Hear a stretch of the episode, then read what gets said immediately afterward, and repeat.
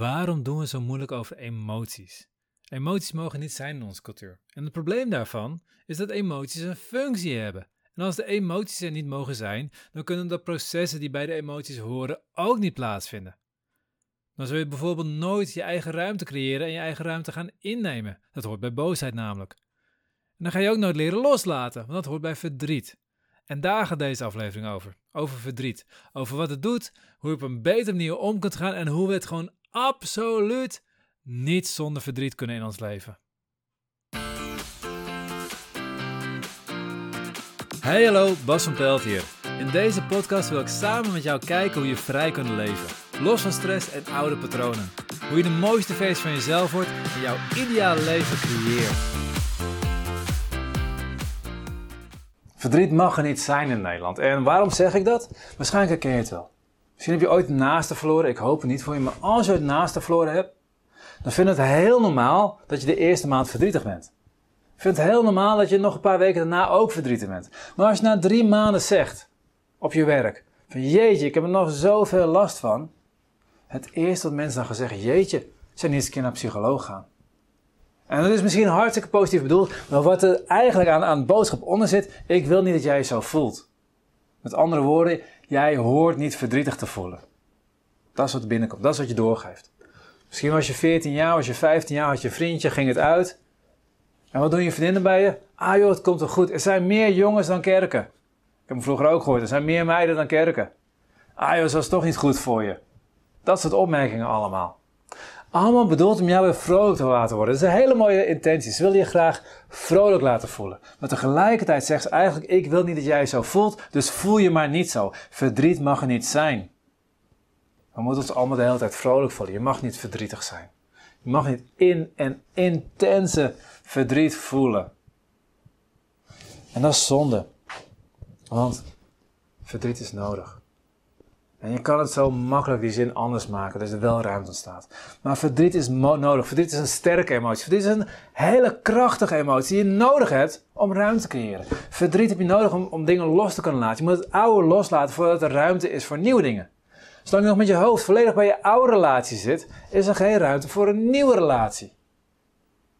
Ik heb een vorige video gehad over teleurstelling. Hoe, waarom we steeds weer teleurgesteld worden. Omdat we in oude patronen denken. Omdat we op oude shit afgaan.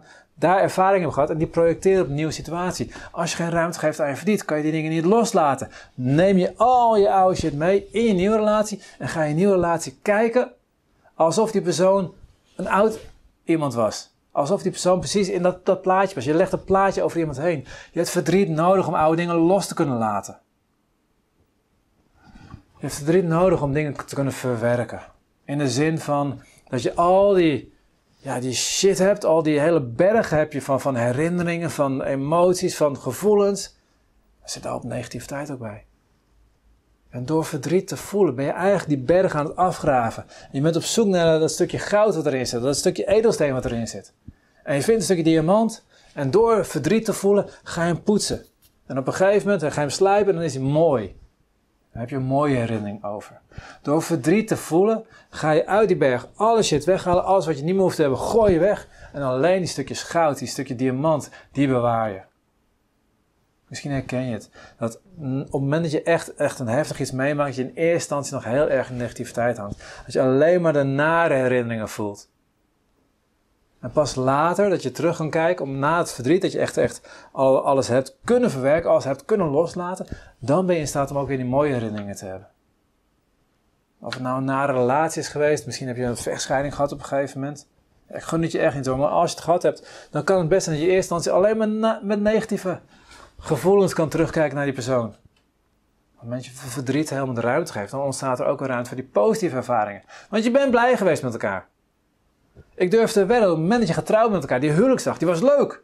Die was mooi. Dat heb je gevierd, dat heb je feest gehad, dat heb je echt blij gevoeld. En nu even niet meer met hem, maar toen wel. Maar dan moet je kunnen terugvoelen. En dat kan pas als verdriet gebruikt om al die oude shit los te laten. Wat we in Nederland doen, we zeggen: het komt wel goed. Alleen daarmee geeft de boodschap af: je mag je niet zo voelen. En je kan het ook anders zeggen. gun iemand zijn verdriet. Gun iemand dat hij echt vol dat ervaart. Gun iemand dat hij echt helemaal diep negatief voelt. Gun ze dat. En zeg, het komt wel goed, maar nu is het K-U-T of iets anders. Nu is het gewoon eventjes gewoon helemaal niks. Nu is het gewoon zwart. Ja, het komt goed en nu is het zwart. Ik weet dat het goed komt. Dat hoef je niet te zeggen tegen me. Zeg gewoon tegen me van, hé hey Bas, of wie dan ook. Je mag jezelf voelen. Voel je verdriet maar. Ervaar je verdriet. Ga er maar diep in zitten. Ga maar ervaren hoe het is om, om dat verdriet te ervaren. En hoe voller je het kunt ervaren. Ga niet in zwel. Ga niet jezelf nog erger maken. En allemaal dingen erbij trekken. Nee, ga het gewoon voelen wat er voelt. En je hoeft niet dingen te verzinnen. Je mag gewoon voelen wat op dat moment in zit. En als het klaar is, is het klaar. Als een paar dagen later nog een keertje langskomt, prima. Als je een jaar lang bezig bent elke dag verdriet te voelen, blijkbaar had je het nodig om zoveel verdriet te ervaren. Om zoveel los te laten. Om zoveel oude spullen achter je te laten.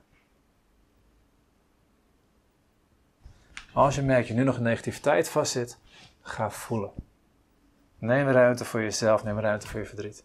Als je iemand in je omgeving tegenkomt, gun hem zijn verdriet. Dit was de podcast voor deze week. Ik ben heel benieuwd wat je van deze podcast vond. Geef in je app even een duimpje omhoog en laat een review achter. En als je een Android-telefoon hebt, dan hebben de meeste apps geen review-mogelijkheid. Ga dan naar de link in de beschrijving bij de podcast en laat daar een review achter. Ik vind het super als je dat doet, want je helpt ons enorm op die manier om meer mensen te bereiken. Tot de volgende keer en op jouw vrije leven.